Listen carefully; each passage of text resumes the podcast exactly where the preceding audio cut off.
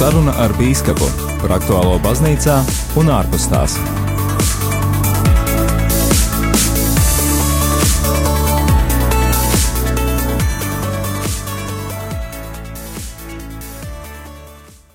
Lai ir slavēts Jēzus Kristus, dārgais radio arī Latvijas klausītāji. Īpaša diena šodien mums 21. oktobris. Uh, raidījums šodien pavisam īpaši būs ar to, ka, nu, pirmkārt jau šeit pie radio, pie, pie pults, pie mikrofona nebūšu un raidījumu nevadīšu es viens pats, Rihards, bet man ir pievienojies arī priesteris Pēters. Un, Sveiki, klausītāji! Jā, un tas, tas, tas ir tāpēc, ka arī šodienas viesis mums ir pavisam kāds ļoti īpašs cilvēks, īpaša persona, ko tad arī ar lielo burtumu prieku arī šajā brīdī mēs iepazīstināsim. Droši vien, ka gari, garumā nevilksim, un tas ir neviens cits kā jaunais nuncijs Baltijas valstīs, tātad arī Latvijā, un tas ir nuncijs Peters Antons Reičs. Sveicināti! Hai! Hi. Hello. Uh, ir, ir prieks, uh, ka jūs atradāt laiku, lai šeit mums pievienotos. So it's great to, that you found the time to, to greet us, to, to come here to, to be with us. I'm also very happy to be in Latvia uh, again after 22 years. Uh, I was here earlier uh, on my assignment as the deputy of the uh, Apostolic Nunciature between 1996 and 1998. And now we can say 20, roughly two years later, I'm here again and I'm very happy to be here in Latvia. And I greet all those listening today to Radio Maria in Latvia. Jā, tad, tad es, um, es esmu būt, priecīgs būt šeit, uh, Radio Marija Latvija, un uh, priecīgs būt Latvijā. Uh, Šī ir mana otrā reize, jo es iepriekš esmu bijis nuncija sekretārs, padotais, un tagad jau es esmu pats kā nuncijs šeit Latvijā. Jā, tātad 97. gadā tātad jau, jau Nuncijas Peters Andrusaičs ir bijis Latvijā, Baltijā, un tēt ir atgriezies, un tēt ir oficiāli jau pagājušajā nedēļā tad arī atzīts par, tad ir Nuncijas Latvijā. Es domāju, ka man pašam un arī mūsu klausītājiem būtu interesanti uzzināt par to, kas tad vispārībā ir nuncijas, ko nozīmē būt nuncijam, un kā tas izpaužās, kas ir darba pienākumi, kas tad ir nuncija atbildība. To arī jau viesim jautāsim. The role of the nuncio is to, uh, first of all, to be a representative of the Holy Father to the local church and also to the local governmental authorities. Tad nuncija pirmais pienākums ir būt par pāvesta pārstāvi kādai vietējai baznīcai un arī vietējām uh, nu, valsts autoritātēm. And this is why the nuncio is considered uh, equal to an, an ambassador of the Holy See or the Vatican uh, to the local authorities. The Vatican is an interna- internationally recognized state, as you all know. Jā, un tad nunciju var pielīdzināt uh, kā um, vēstnieku, kā Vatikāna vēstnieku. Jūs, kā jau jūs visi zinat, tad uh, Vatikāns ir oficiāla valsts, kura tāpat arī ir uh, tādās uh, diplomātiskās attiecībās ar citām valstīm. And besides the diplomatic service uh, and part of hi- his duties, the nuncio also represents the Holy Father, the Pope, to the local church in a country. Un līdztekus uh, nuncija, tad šī vēstnieka pienākumiem, diplomātiskiem pienākumiem nuncijas arī pārstāv pāvestu uh, vietējiem ticīgajiem cilvēkiem. Therefore, uh, the the role of the nuncio is to uh, to in both to represent the Holy Father and to the Holy See to the local church and the local uh, civil authorities. Tātad nuncija pienākums ir tāds divējāds pārstāvēt uh, svēto tēvu ticīgajiem un svēto krēslu uh, lokālajām autoritātēm. Man būtu interesanti dzirdēt, cik jā, tas sanāk. Es saprotu, ka ļoti daudz pilnas rokas ar darbu, ka tas ir ne tikai kā diplomātam, tātad kā, kā valsts pārstāvim, bet arī, tad arī kā ā, svētā tēva, svētā krēsla pārstāvim. Tad cik būtu procentuāli tas sadalījums darbos, cik daudz laika jāvēlta ir tieši šīm valstiskā mēroga diplomātiskiem ā, attiecību ā, uzturēšanai un cik daudz ā, laika var veltīt ā, tieši ticīgai tautai. That's a good question. I think b- the majority of our time is spent uh, with dealing with issues regarding the church. more than the, uh, let's say, the political or diplomatic issues. Ja tas ir ļoti labs jautājums, un es teiktu, ka mūsu gadījumā vairāk tomēr ir jā, jāveic uh, kalpojums baznīcā un jārisina problēmas, kas ir pašā baznīcā, ne tik daudz šīs diplomātiskās kādas attiecības. We like to think of ourselves as a type of liaison office between uh, Vatican, the Rome, and the local churches. Ja tad mēs esam vairāk kā šis tāds savienojušais elements starp vietējo baznīcu un uh, universālo baznīcu. We are trying to help the bishops, uh, most of all, in uh, fulfilling their duties as pastors of the local churches and keeping them uh, in close touch with Rome, with uh, the Roman Curia, and with the Holy Father. Un tad mēs redzam to savu uh, misiju uh, kā tādu, ka mēs palīdzam vietējiem biskupiem uh, pārvaldīt un, un kalpot tajā lokālajā baznīcā, kurā viņi ir, reizē arī uzturot ciešu kontaktu ar Romas kūriju, ar nu, visu universālo baznīcu. And therefore, a major part of our work is also in uh, helping the bishops in their mission and also seeing to the appointment of bishops in the country. Un tad lielā mērā mūsu darbs ir saistīts gan ar atbalstu vietējiem biskupiem, gan arī ar vietējo biskupu izvēli. And therefore, uh, our contacts with uh, the civil authorities are, are uh, a bit less, let's say, less time is devoted to them because, in most cases, our relations are very good. Un uh, lielākoties mūsu attiecības uh, tādā valstiskā līmenī ar citām valstīm ir labas, tāpēc mums nu, tā arī loģiski mazāk laika ir jāvelta šīm uh, diplomātiskajām kādām problēmām un attiecībām. But when problems or challenges arise, we obviously do contact the civil authorities in order to inform them and to seek solutions for any difficulties or problems that can arise. Bet, protams, ka, ja kādas problēmas eh, nāk gaismā, tad eh, mēs arī kontaktējamies ar civilajām autoritātēm, mēs eh, skaidrojam situāciju no baznīcas puses un tad arī meklējam vislabāko risinājumu, lai šīs problēmas risinātu.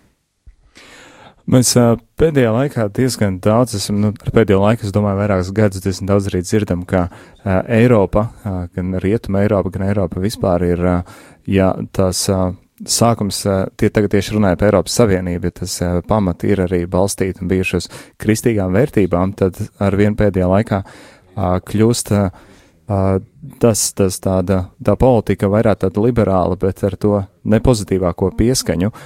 Kā jums šķiet, vai jūs tāpat uzskatāt, un vai šajā jautājumā kaut kādā veidā arī nuncija ietekmē vai, vai runā ar valsts vīriem, mēģinot to situāciju parādīt arī no tātad kristīgo redzējumu un kristīgās vērtības? Um, there is certainly, yes, a tendency uh, for um, more liberal, progressive ideas uh, uh, to be expanding, uh, pr- being promoted in the West uh, today. This is very true.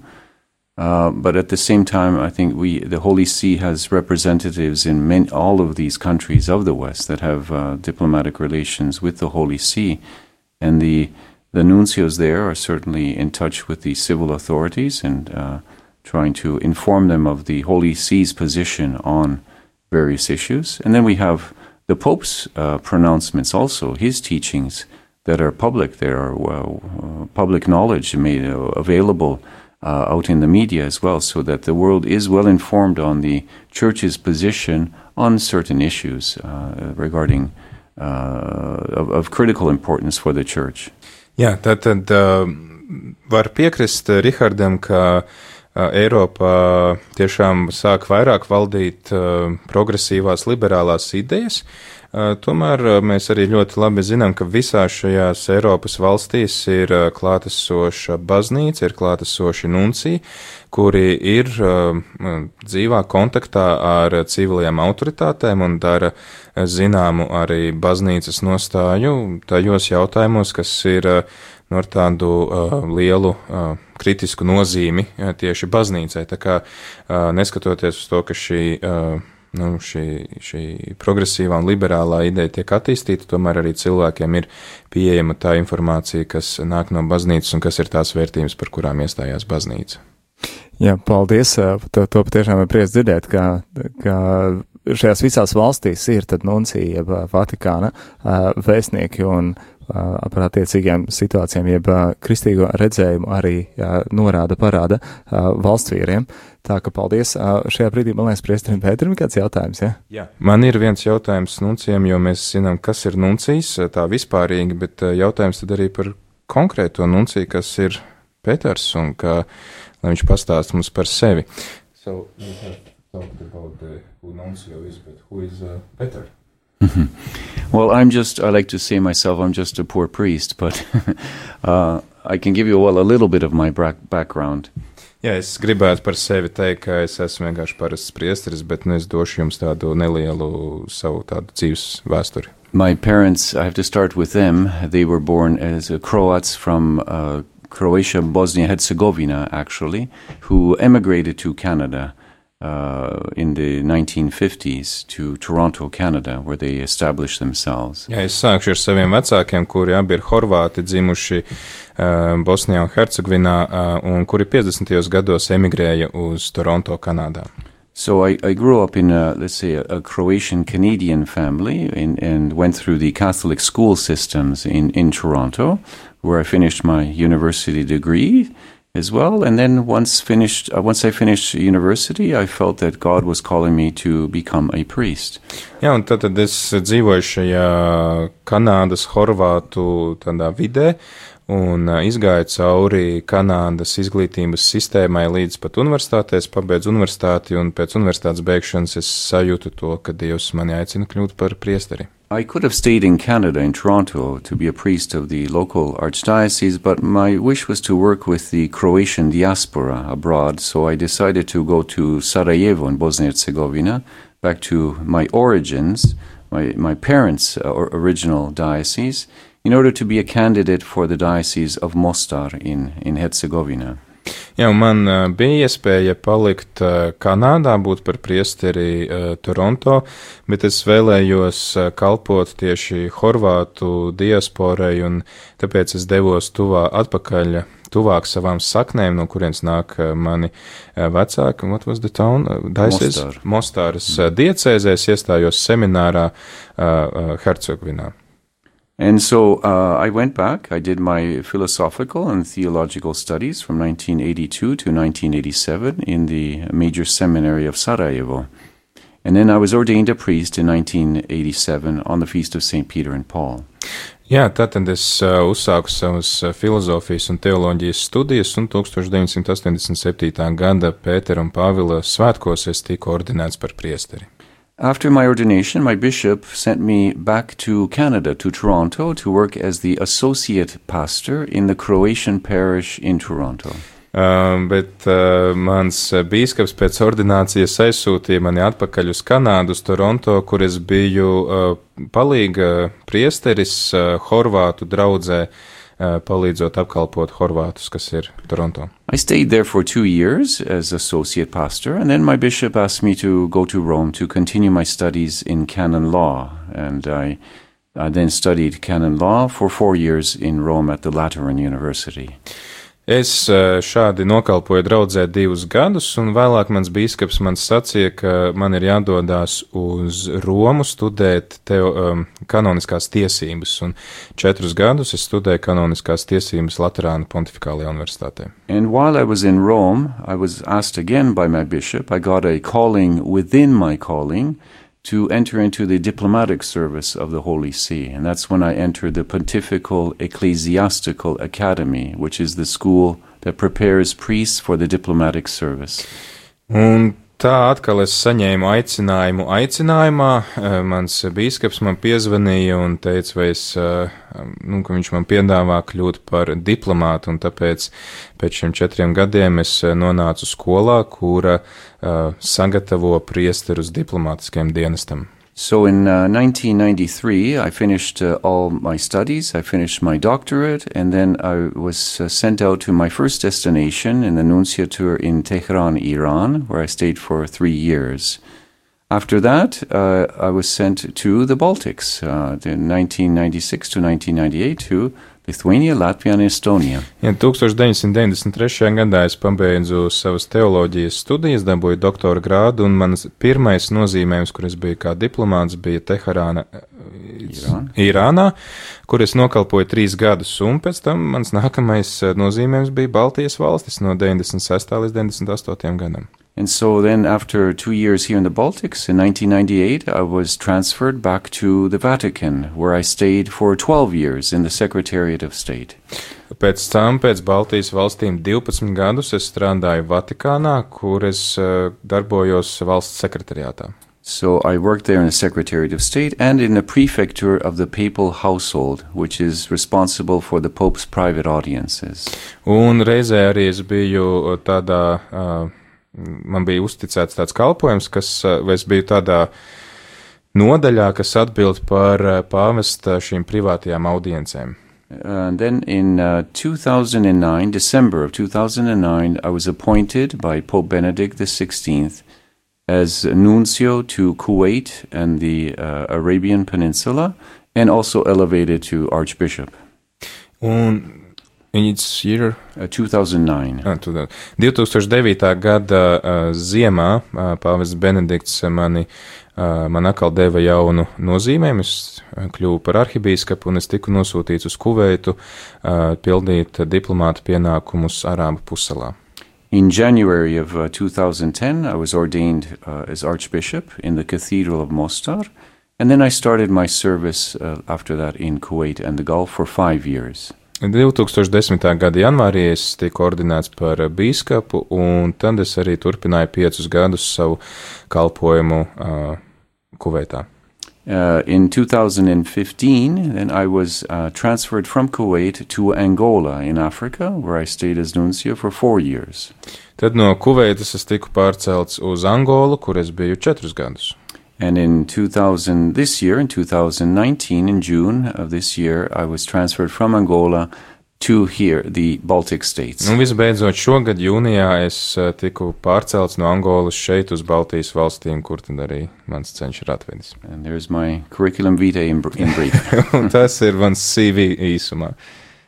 Nu, dzirdot šos visus uh, piedzīvojumus un uh, nunciatūras dažādās vietas, īpaši man uzmanība pievērsa tieši tuvie austrumi un, un Kuveiti, Jemena, Bahreina, apvienotās Arābu Emirāti, apzinoties, ka tur ir diezgan visādā ziņā, varētu teikt, karsti gan laikapstākļos, gan arī visi civilie nemieri notiek, jo tagad vēl arī nesen pavisam esam dzirdējuši Jemenas nemierus, jeb Jemenas nemiernieku aktivitātes Arābu Emirātos, tad kāda ir uh, sajūta uh, nuncijam, vai tas uh, kāds personīgā tāda sajūta par to, kā tur bija, vai, vai, vai, tas, ir, vai tas bija jūtams, vai, vai bija tādas bailes tur kalpojumā, teiksim tā.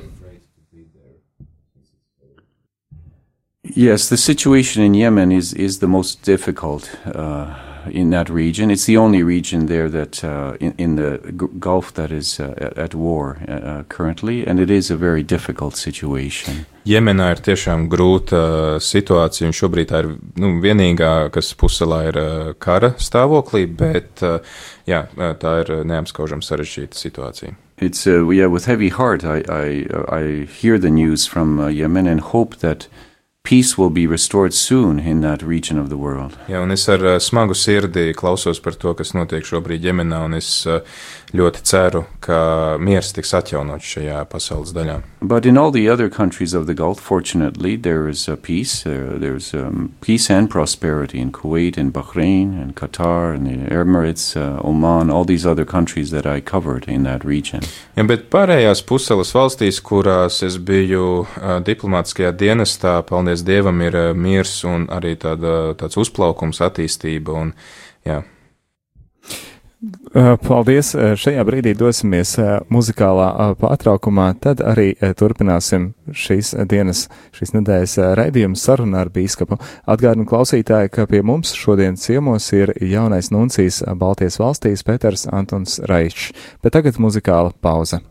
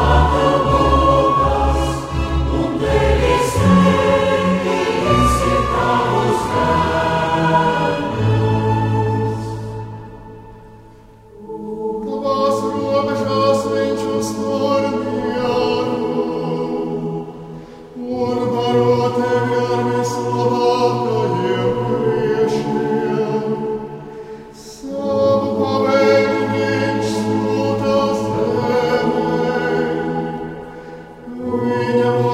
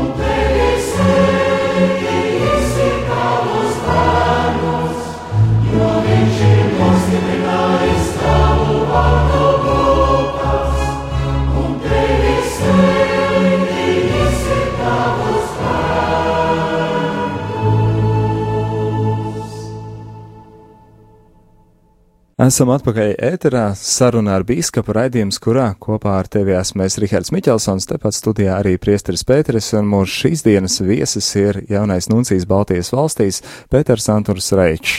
Uh, iepriekš pirms dziesmas mums bija iespēja uh, tad uh, arī nedaudz iepazīt uh, pašu nunciju Pēteru par uh, viņa iepriekšēju pieredzi, par uh, to, kā tad viņš nokļūst līdz nunciatūrai un kur ir bijis kalpojumā. Nuncijs arī pieminēja to, ka ir jau bijis Baltijas valstīs 97. gadā. Tad, nu, kā nākošo jautājumu gribētu arī jautāt, kas tad ir viņa skatījumā mainījies, kas ir tās lietas, kurš no 97. gada un tagad, nu, lai gan tagad viņš jau nav kā ilgo Baltijas valstīs tikai mēnesis, bet tomēr varbūt jau ir kas pamanīts, kādas krasas izmaiņas. Un, nu jā, klausīsimies, ko Nuncīs par to saka. From what I have been able to see so far, I've only seen positive change uh, occur here. Uh, 22 years ago, there was they were still the early years after the renewed independence of the three states, so they were still in a type of uh, transitional phase, we can say. Es teiktu, ka pa pirmajiem mēnešiem man ir iespēja redzēt nedaudz, bet uh, es teiktu, ka viss, ko es esmu redzējis, ir tāds pozitīvs pārmaiņas, jo 22 gadus atpakaļ vēl varēja just to, ka ir tikko uh, nomainījusies šī valstu situācija, valstis ir atgūši neatkarību, un es teiktu, ka tas bija tāds, tāds pārējas laiks. Uh, just externally looking, the, the cities have been renewed, especially the old historic cities uh, that I've seen here as the center of Riga, which is very beautiful now, even more beautiful than it was 20 years ago. Jā, nu kaut vai skatoties ārēji, pilsētas ir sakoptākas, ir atjaunotas, un jāsaka, ka vecrīga ir daudz skaistāka, kāda tā bija 20, 20 gadus atpakaļ. New roads have been built, new infrastructure as well, uh, more modern uh, shopping centers. All of this shows progress in society. Ja, tātad jauni ceļi, jauni superveikali, lielveikali ir nu, tāda zīme attīstībai, labklājībai. So progress has definitely been made, and the on the other hand, uh, all three countries have uh, become part of the European Union. They are in uh, NATO also, and they are in the eurozone, which also confirms their belonging to the European Union of, of families. Un arī par šo laiku ir progress tādā politiskā jomā, jo visas trīs valstis ir Eiropas Savienībā, ir Eirozonā, ir tā NATO dalība valstis, kas parāda to, ka jā, arī no citiem šīs valstis tiek apstiprinātas kā Eiropas ģimenes locekļi. So we can say I, uh, that I, I truly believe that there has been an opening up of the peoples to, towards Europe and to the world in general. More people know foreign languages now, also, which is also a great improvement. A whole new generation of young people who have been educated also uh, have knowledge of other languages, which opens up the world to them. Jā, un uh, es teiktu, ka šis laiks ir bijis kā tāds atvēršanās laiks Eiropai un arī visai pasaulē, un ir ienākusi pilnīgi jauna paudze, kas runā vairākās valodās, kas parāda šo atvērtību pasaulē. At the same time, I believe that uh, through your development and uh, the progress that you have been made, uh, Latvia, as with the other countries, have been able to make themselves known also to Europe and the rest of the world. Un es arī domāju, ka šī atvēršanās Eiropai un pasaulē arī dara pašas Baltijas valstis, tajā skaitā Latviju, daudz atpazīstamāku pasaulē un Eiropā. So that uh, this is a process that takes time, obviously, but it is something uh, that is very important for the peoples to, uh, though they are now part of the EU, they are also always maintain their national identity, that they don't lose themselves in the process. Protams, ka tas viss arī nāk ar uh, izaicinājumu. Pirmkārt, tas ir process, tas, tas paņem laiku, kad mēs, kad mēs atveramies citiem, bet tas arī prasa šo identitātes uh, nu, saglabāšanu, ka mēs reizē atveramies, bet reizē arī saglabājam sevi. And this way we can promote the ideal of uh, unity in diversity, also uh, richness of cultures and languages, and uh, while respecting each other's differences. Tāpēc well. mēs varam veicināt uh, šo ideālu, kur uh, atšķirīgais pastāv vienotībā, ka mēs varam būt atšķirīgi, bet reizē vienoti. I think the, the progress has been uh, phenomenal and uh, that uh, it should only continue and, and, and continue on this good path. Jā, progress tātad ir, uh, šis progress lēciens ir liels, bet uh, es arī tad iedrošinu turpināt šo progresu un, un turpināt iet pa šo ceļu, kas ir uzsākts. Paldies, paldies Nuncijiem par tādiem labiem atzinīgiem vārdiem, bet, nu, protams, ka rodās uzreiz arī jautājums, vai ir redzami arī kādi izaicinājumi vai kāda negatīvā puse, vai ir skaidrs jau, vai jau redzams kāds darba lauks, kas būs tie, tās grūtības, tie izaicinājumi, pie kā tad būs jāstrādā, kas, kas varbūt tās liekas, ko vajadzētu uzlabot, pilnveidot. Well, improvements can be made, I think, in all areas. I think it's important that we set a, a high standard. Our goals should be very high, to seek the highest things in our life. As Jā, tad, mēs vienmēr varam kaut ko uzlabot, un es uzskatu, ka, lai varētu tā patiesi iet uz priekšu, mums ir vienmēr jāuzliek ļoti augsti, varbūt pat augstākie ideāli, uz ko tiekties. as uh, the apostle St. Paul teaches us in the Corinthians, to seek the highest goals. And he, he set forth the goal of seeking faith and love above all else as the highest goal. We can make an analogy with analogy and with that in seeking the highest goals for the common good of society.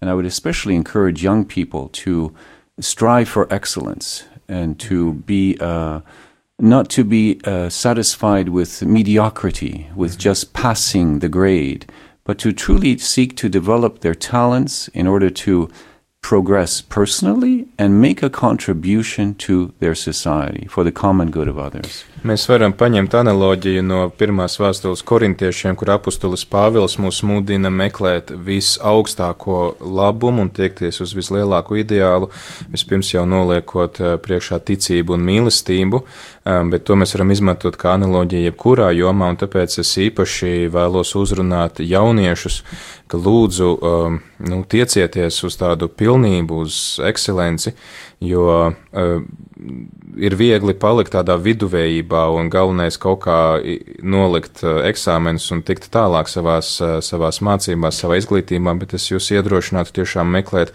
to vispilnīgāko veidu, kā jūs varat izpaust savus talantus.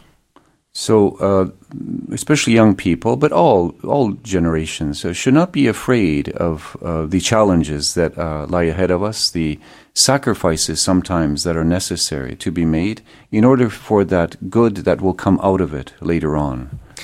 Jā, vēl neaizmirst izlūkot, ka ir tad šis uh, viens no ideāliem arī kopējais labums, un, un te īstenībā tad uh, ne tikai jaunieši, bet ik viens mēs esam aicināti nebaidīties no izaicinājumiem, nebaidīties no uh, tām grūtībām, kas mums varētu būt priekšā, ejot šo ceļu uz pilnību. And part of it is also getting more involved. I think this is also very important, and not to wait for somebody else to do the work for them, whether it be even the state or a municipality or some other institution, but to see what we can do, what I can do to make my life better, make my family's life better, make my uh, society's life better, my country's life better, and to not be afraid to act upon uh, some good ideas and good goals. Tāpēc es aicinu ikvienu uh, būt gatavam iesaistīties, negaidīt, kad tevi uzaicinās uh, pašvaldība, valdība vai kāda cita institūcija, bet izrādi pats savu iniciatīvu, ko es varu darīt savā labā, savas ģimenes labā, sabiedrības labā, lai uzlabotu to situāciju, kas, kurā es esmu šobrīd un kurā ir arī apkārtējā sabiedrība. Tad nebaidieties uzņemties atbildību, nebaidieties piedāvāt savu arī uh, šo palīdzību. We can use the example that Jesus taught in the parable of the talents in the gospel, where the he, the owner gave uh, talents out to his uh, servants in order that they be used and multiplied. Many people here have received various talents. They have to be used and they have to be multiplied. And this, I think, is, is the great challenge right now. Es domāju, ka liels izaicinājums ir atsaukties šodien uz Jēzus līdzību, kurā Jēzus stāsta par uh, talantiem, ka ir dažādi cilvēki, kuriem uh, šis bagātnieks uztic uh, savus talantus, un viņi, viņiem ir jālaiž apgrozībā, jānes augļi. Un to arī mēs varam teikt par katru no mums. Mums ir Dievs devis dāvanas, kuras mums ir jālaiž apgrozībā.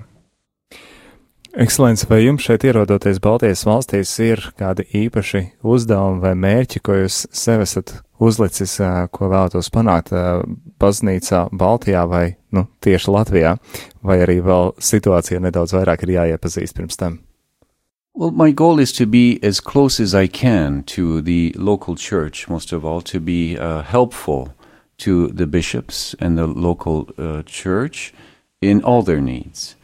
Uh, this is the primary role. This is my goal here, and to also to uh, bring, um, make the Holy Father closer also to the local church through his teachings, through his uh, homilies, through his words, so that in that way uh, Rome will not seem so far away, but much closer to the people here, and that the people may not fear, uh, feel that they are forgotten at all by Rome, but that Rome, Rome, the Vatican, the Holy See is very close to them. Jā, tad, tad mans paša mērķis izriet no mana pienākuma, no manas lomas, jo es vēlos būt maksimāli tuvs vietējai baznīcai, sniegt nepieciešamo atbalstu biskupiem, kas viņiem ir nepieciešams, un tāpat laikā arī, protams, darīt maksimāli tuvu svēto tēvu Romu šai vietējai baznīcai, lai cilvēki nejūtās, ka Roma ir kaut kas ļoti tālu vai ka pavasts mūs ir aizmirsis, bet tā tad darīt klātesošu viņa mācību un uh, visu šo uh, baznīcas uh, klātbūtni arī šeit vietējām baznīcām. Another one of my goals would be also to possibly um, work with the bishops in cert- and the local clergy as well in uh, searching for ways to promote new vocations in the church. Uh, we've noticed a decline in recent years from independence uh, to, to now. There has been a decline, unfortunately. Now we have to all work together, not just the clergy, but get families involved in other communities so that uh, more people can consider the, uh, uh, the priesthood as a, a possibility, as their possible vocation, or the religious life, or even the consecrated life as a lay person as well. We should all be involved as a church in promoting vocation. Ja, un otrs eh, mans tāds uzdevums ir redzot to, ka kopš neatkarības atjaunošanas aicinājumi uz garīgo kārti ir uh, kritušies ļoti dramatiski, tad um, es arī redzu kā tādu savu mērķi un uzdevumu sadarbībā ar biskupiem, ar klēru un īstenībā arī ar ikvienu cilvēku, īpaši ar ģimenēm, sadarboties un, un meklējot risinājumus, kā veicināt šos aicinājumus uz garīgo kārtu. Jā, es domāju, ka tas arī sasaucās kopā ar nākošo jautājumu, ko uh, domāju, kaut kādā mērā noteikti tas ir. Pirmkārt, jau mēs arī nu, sirds cenšamies sakot līdz pāvesta gaitām, pāvesta teiktajiem ar radio Mariju. Te klausītājs kopā ar mums esat, arī to labi apzināties. Un zinām, ka pāvests Francisks ir izsludinājis oktobra mēnesi kā ārkārtas misiju mēnesi baznīcā, un to tad arī izdzīvojam dažādos veidos, arī gan priesteris Pēters savās katehēzēs uh, stāsta par, par misiju, gan Judīta raidījumos par misiju vēsturi, gan arī rīta cēlienos, kur dažādas viesas aicinām. Bet uh, tad arī gribētu pajautāt nuncijam, uh, kā mums ir jāsaprot šis uh, pāvesta Franciska mudinājums, aicinājums uz ārkārtas uh, misiju mēnesi, kāpēc uh, tāds tika izsludināts un uh, kā mums tas ir jāuztver kā individiem. As you know, and you had, as you have mentioned, the Pope has uh, dedicated and proclaimed this month of October 2019 as an extraordinary or special month for the missions. Jā, kā jau jūs minējāt, pāvests ir izsludinājis šī gada oktobri par ārkārtējo misiju mēnesi. I believe that uh, the Pope's wish is to um, awaken amongst all Christians, all Catholics throughout the world, uh, an awareness of the importance of the missions and missionary life. Un es domāju, ka pāvesta nodoms ir um, nu, modināt šo apziņu katrā katolī, katrā kristietī par uh, misiju, ka mēs visi esam aicināti būt par misionāriem. And the Pope's wish is uh, to uh, make aware again that all of us are missionaries in our own way because we are all baptized as uh, children of God. The, the theme of the missionary month is that baptized and uh, sent out or on mission. Uh, therefore, each one of us is called to be a missionary, not just in faraway countries, in, in poor areas of the world, but to be a missionary even within my own uh, uh, area, my own family, my own community, my own parish, wherever I live and work or study, uh, we, we are all called to witness to that faith in Christ and thereby be a missionary. Jā, un uh, otra lieta, kuru arī mums Pāvests Francisks vēlas atgādināt, vai kuru mēs paturam prātā un, un, un, un paturam sev acu priekšā, ir tas, ka uh, mums būt par misionāru tas ir katra aicinājums, kas ir kristīts. Arī misiju mēneša moto ir kristīti un sūtīti. Tātad tas nav tikai došanās kaut kur uz tālām zemēm pie trūcīgiem ļaudīm, bet būt par misionāru ir katra mūsu aicinājums mūsu ģimenē, mūsu kopienā, mūsu draudzē, tur, kur Dievs mūs ir sūtījis, starp tiem cilvēkiem būt par lieciniekiem tai ticībai, kuru mēs apliecinām. Pope Francis is the Pope who is encouraging concrete action in charitable acts. Therefore, he wants everybody to get more active in, in our uh, evangelizing uh, mission of the church.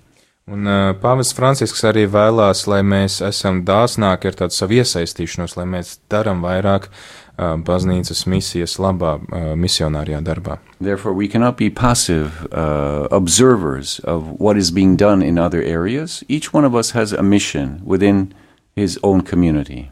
Tad mēs nevaram būt kā tādi novērotāji, kas tiek darīts citās jomās, bet mēs esam misionāri tajā savā vidē, kurā mēs esam. Therefore, each one of us can ask ourselves, what can I do? What is my mission? What is my goal, my vocation within the church? And how can I be a missionary in the, in the places where I live and work? Un tāpēc mēs katrs varam uzdot sev jautājumu, kā es varu būt misionārs un kā es varu izpildīt šo savu aicinājumu tajā vidē, kurā es esmu. This is part of our missionary activity. That's part of the work. Another important aspect is to pray for the missions also, that we pray for those who have left their countries, left their communities, and gone to faraway lands, to unknown places, in order to teach others the gospel and witness to the gospel. Protams, šī aktīvā darbība ir tikai viens no aspektiem. Otrs aspekts viennozīmīgi ir arī lūkšana. Lūkšana par misionāriem, par tiem, kuri tiešām ir reāli atstājuši savas mājas un devušās, devušies uz tālām zemēm, lai sludinātu Kristus labo vēsti. Therefore, uh, the entire church is involved this way. Those who stay at home, as, as well as those who go abroad, we are all acting, we are all participating. This is the goal of the missionary month, so that nobody stays behind. Un līdz ar to visa baznīca ir iesaistīta misijā. Gan tie, kas dodas tālu projām, gan tie, kas paliek mājās. Neviens nedrīkst uzskatīt sevi, ka viņš paliek kaut kur rezervē. Visi ir iesaistīti un visi darbojās misiju lakā. Tas arī ir misiju mēneša mērķis. Es domāju, tas arī uh, latviešus droši vien uzrunā, tā kā zinām, tā kultūra, kāda mums ir, esam varbūt nedaudz kūtrāk kā kādās karsasnīgākās valstīs, un lai patiešām iet un uzrunātu cilvēkus, citreiz, nu, tā ir liela saņemšanās, un tāpēc arī dzirdam nuncijas sakot, ka ir dažādi šie veidi, kā, kā misija ir izpildām. Viens no svarīgām būtiskām lietām ir lūkšana, lūkšana par tiem, kas dodas misijā, lūkšana par tiem, kas dara šo misijas darbu praktiski, aktīvi. Gribas uzdot tādu pavisam vienkāršu jautājumu, tā, ko Nuncijas teiktu cilvēkam, kurš saka, nu, bet man tak galīgi nav tam laika. Es nevaru atrast laiku kādai misijai. Es pārāk aizņemts esmu. Well, that's that person has to, I think, ask themselves uh, what is most important in their lives. Uh, or who is more important in their lives, they themselves or God? Jā, šiem cilvēkiem tad sev būtu jāuzdod vispirms jautājums, kas viņiem ir vissvarīgākais dzīvē, vai drīzāk, kurš ir vissvarīgākais - viņi, vai viņi paši, vai Dievs? Uh, in asking themselves this question, they should think a bit more deeply. Uh, why why do I exist? What what purpose does my life have in this world? Am I living just for myself, or am I living to also give glory to God somehow in my life? Un šiem cilvēkiem ir arī jāuzdod jautājums sev par savas dzīves mērķi. Kāpēc es esmu pasaulē? Kāds ir manas dzīves, kāda ir manas dzīves jēga, vai šeit pastāvu tikai priekš sevis, vai tomēr arī priekš tā, lai ar savu dzīvi kaut kā pagodinātu Dievu? Everything we have is from God. Everything we are is from God.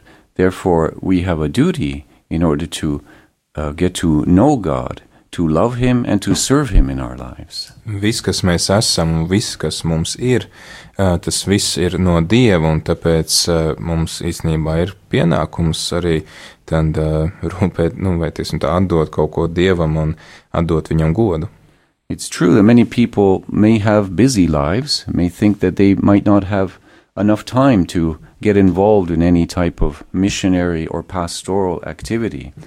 But everybody has at least a few minutes of free time during the day to pray, to do some good act, to uh, some act of charity, uh, some kindness towards somebody else, to think of others. That would be the key to think not just of yourself, but to think of others and how you can make somebody else's life easier.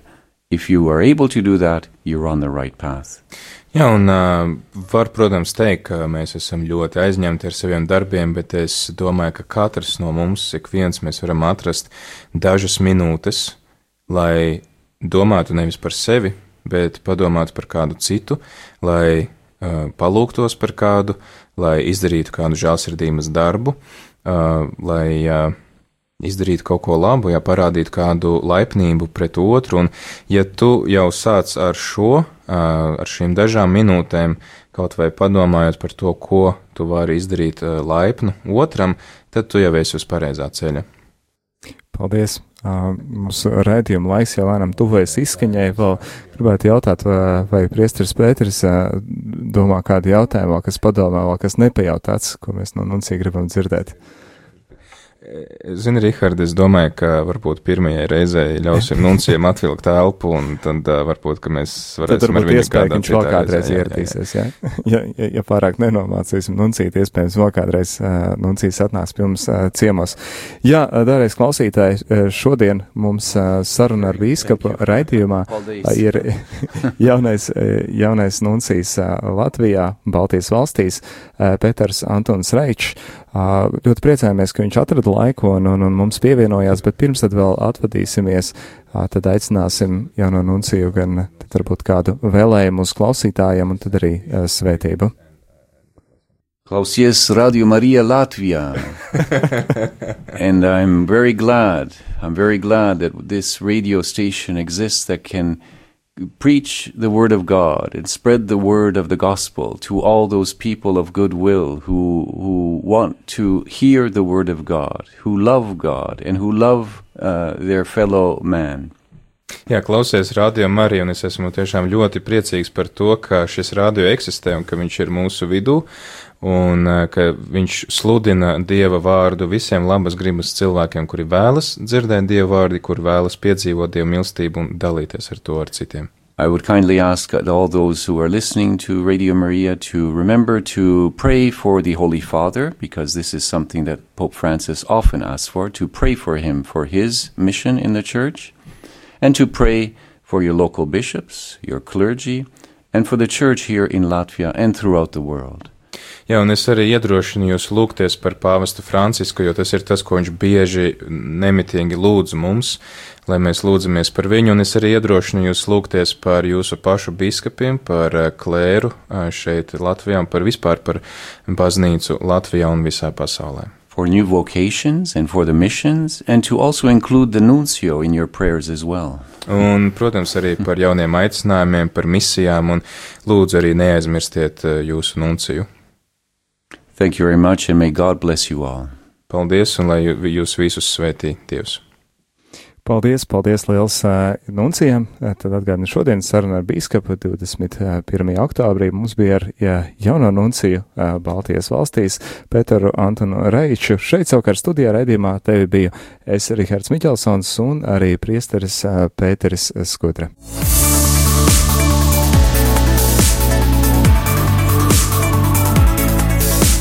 Saruna ar bīskapu par aktuālo baznīcā un ārpus tās.